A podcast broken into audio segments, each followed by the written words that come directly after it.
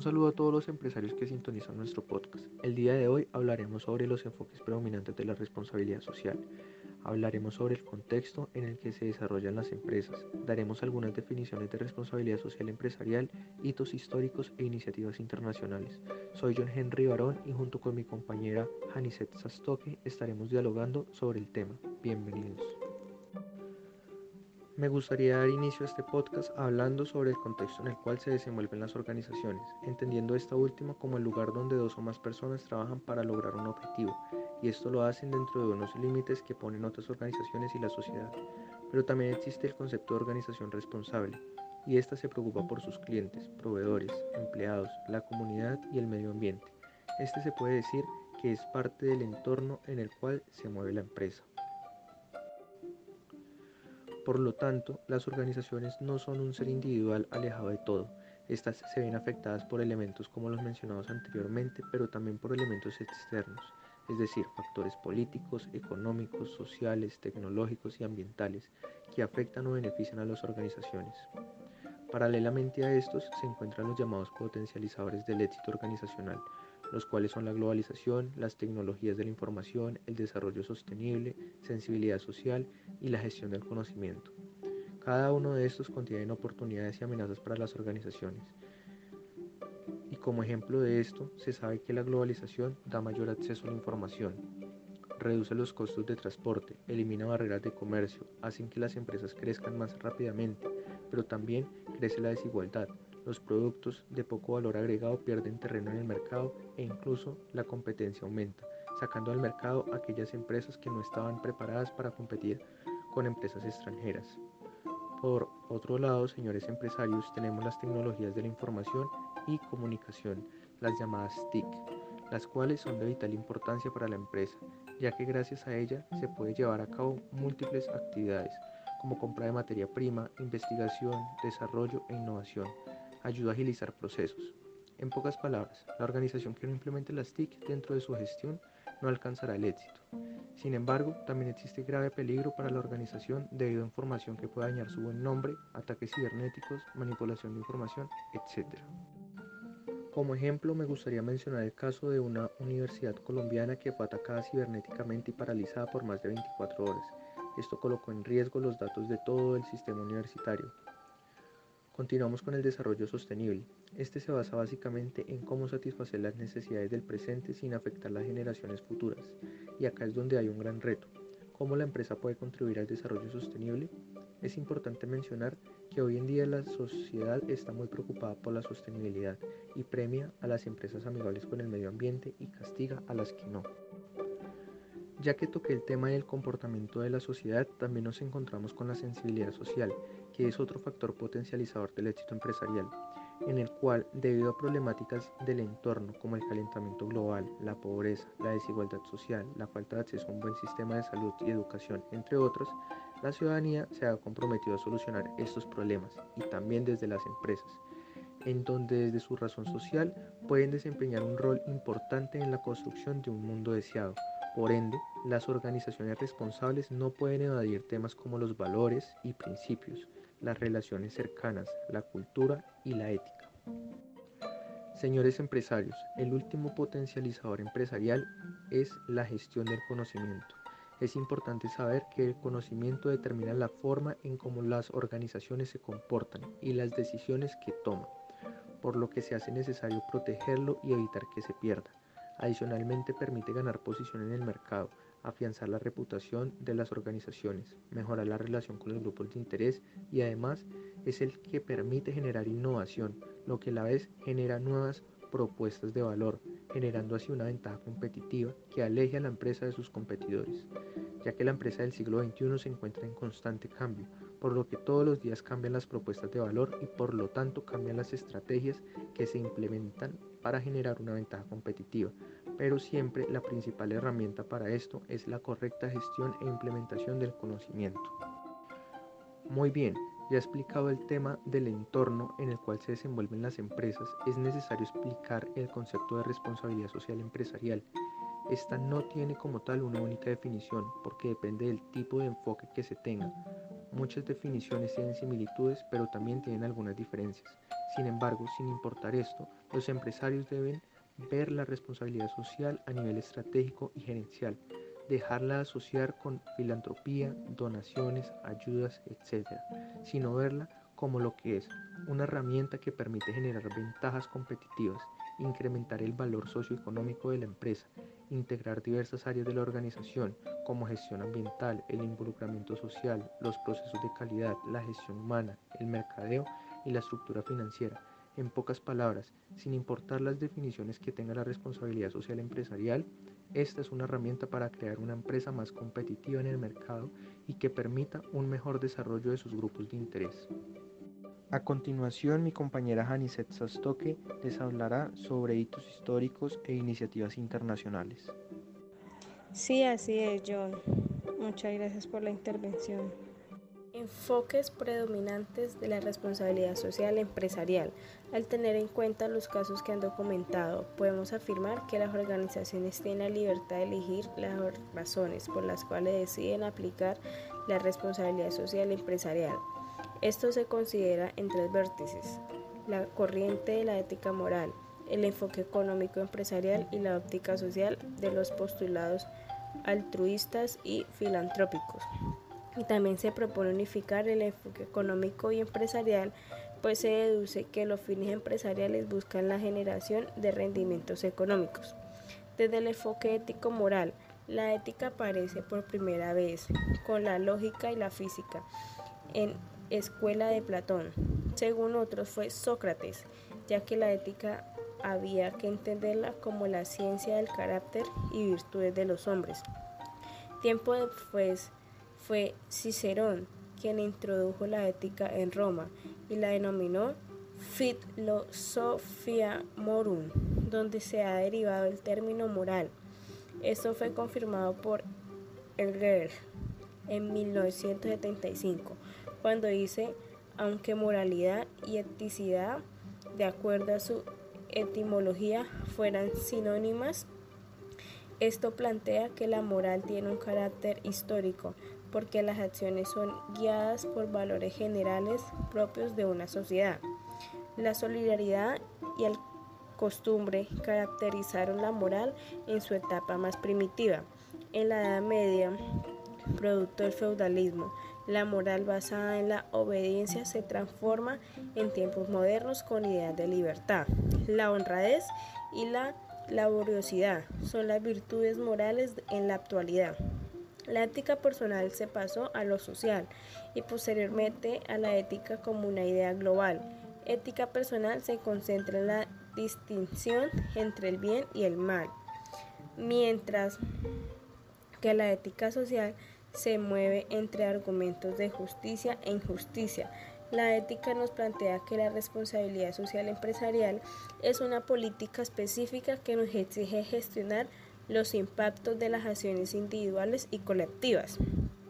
La ética y la moral están ligadas pero no se deben considerar sustitutos en las acciones humanas. Es tanto así que la ética pretende ayudar en el proceso de toma de decisiones de una organización bajo criterios o valores de carácter universal. Desde el enfoque social filantrópico, ya que su gestión contribuye en gran medida al mejoramiento de los indicadores de desarrollo, tanto o de igual manera como la sociedad ha contribuido con ellos y sus resultados. La filantropía no es, no es un regalo de la empresa a la sociedad, sino una devolución. Esto es una práctica social que mejora la calidad de vida de los ciudadanos al compartir sus ganancias con la comunidad que mensualmente cancela su factura por el servicio. Desde el enfoque económico empresarial, los factores de competitividad no se conquistan al resolver los problemas empresariales de corto plazo y al perder al horizonte de largo plazo. En otro sentido, una empresa puede favorecer el desarrollo de su personal cuando promueve la capacitación de sus funcionarios e en instituciones educativas de primer orden válidas nacionalmente. La empresa no es ajena a la comunidad que le rodea. El desarrollo y mejoramiento de la comunidad garantiza el fortalecimiento de la organización que contribuyen al engrandecimiento de la comunidad y sus miembros. La cultura organizacional requiere de líderes empresariales con claros principios de ética, equidad y inclusión por otra parte de la en obligación, no solo por los directivos empresariales, sino también por todos los miembros de la comunidad. Finalmente, la corrupción es el ejemplo más desafortunado que le podemos dar a las nuevas generaciones. Es así que algunos empresarios aceptan la corrupción del empleado público con la excusa de ganar el contrato. Las líneas de acción. Primera, políticas de personal que respeten los derechos de los integrantes de la empresa y favorezcan su desarrollo. Segunda, transparencia y un buen gobierno corporativo. Tercera, juego limpio con el consumidor. Cuarta, políticas activas de protección del medio ambiente. Quinta, integración a los grandes temas que hacen el bienestar común. Y sexta, no practicar un doble código de ética.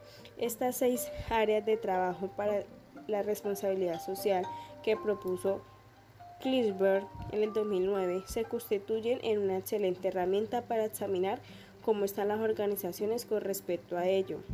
Es así que este capítulo que hemos mencionado en tres aspectos importantes. Primero, la organización y sus características. Segundo, el concepto de responsabilidad social desde una perspectiva multidimensional y enfocada a la generación. Tercero, indicamos los enfoques predominantes del tema. Otras iniciativas incluyen otros contenidos como el medio ambiente, los derechos humanos, prácticas laborales, comunicación, entre otros. Iniciativas internacionales que fundamentan la responsabilidad social empresarial. El fundamento de la responsabilidad social empresarial se puede encontrar en numerosas iniciativas, algunas privadas y otras públicas que han nacido en diferentes partes del mundo como guías, normas, lineamientos y principios que recomiendan y dictaminan el deber ser de la organización. Sin embargo, nos podemos adelantar al afirmar que todas en mayor o menor medida nos llevan a repensar el modelo de gestión que la organización utiliza con cada uno de sus grupos de interés. A nivel mundial han surgido iniciativas desde diferentes organizaciones. Los principios del Pacto Global, Naciones Unidas. El Pacto Mundial es una iniciativa internacional propuesta por las Naciones Unidas con el objetivo de fomentar la ciudadanía corporativa e involucrar a las empresas privadas en la gestión de algunos de los principios, retos sociales y de medio ambiente que se plantean con el crecimiento globalización. La Red de Pacto Global Colombia 2010 define el Pacto Mundial como una iniciativa voluntaria en la cual las empresas comprometen alinear sus estrategias y operaciones con 10 principios universales, aceptando en cuatro áreas temáticas.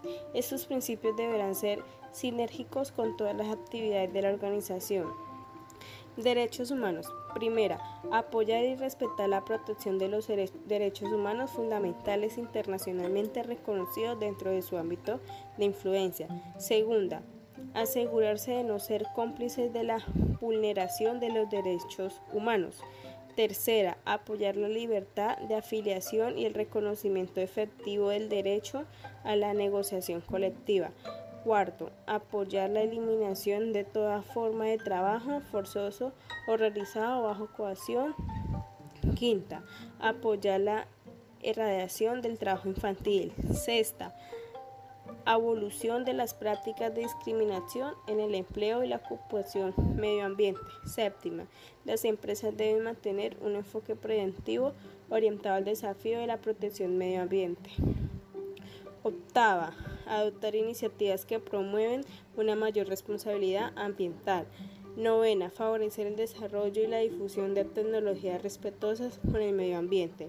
Y décima, las empresas deben luchar contra la corrupción en todas formas, incluida la extorsión y el soborno. Objetivos del, Desarrollo Sostenible. El 25 de septiembre de 2015, en la sede de las Naciones Unidas en Nueva York, se lanzó la nueva Agenda Mundial del Desarrollo 2030.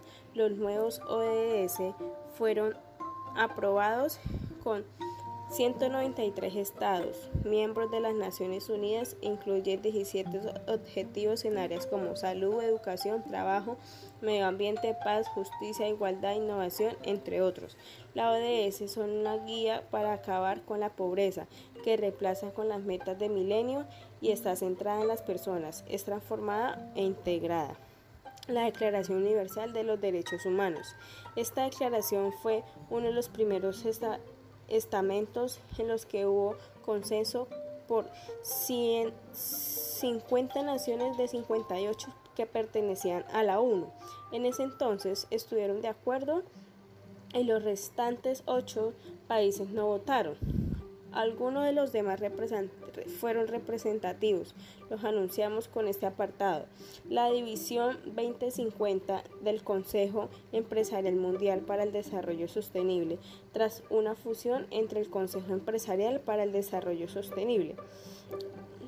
Esto hace que la industria para el medio ambiente, además el Consejo es una plataforma que ayuda al intercambio del conocimiento, experiencias y posibles alianzas en pro de buscar las mejores prácticas manufactureras. La importancia de esa iniciativa radica en el hecho de que paulatinamente se plantean cambios fundamentales en las estructuras sociales y económicas actuales. Las organizaciones para la cooperación y el desarrollo económico la Organización para la Cooperación y Desarrollo Económico orienta las líneas directrices a la promoción de la responsabilidad y transparencia corporativa a través del enunciado de principios y normas voluntarias para una conducta empresarial. En primera instancia, las líneas directrices mencionan algunos conceptos y principios referentes al papel que deberían desempeñar las empresas multinacionales a favor del progreso económico, social y del medio ambiente. Hemos llegado al final de nuestro segundo podcast, en el que se habló sobre los enfoques predominantes de la responsabilidad social sobre el contexto en el que se desarrollan las empresas, se dieron algunas definiciones de responsabilidad social empresarial, hitos históricos e iniciativas internacionales. Muchas gracias a todos los empresarios que nos escucharon el día de hoy y hasta una próxima ocasión.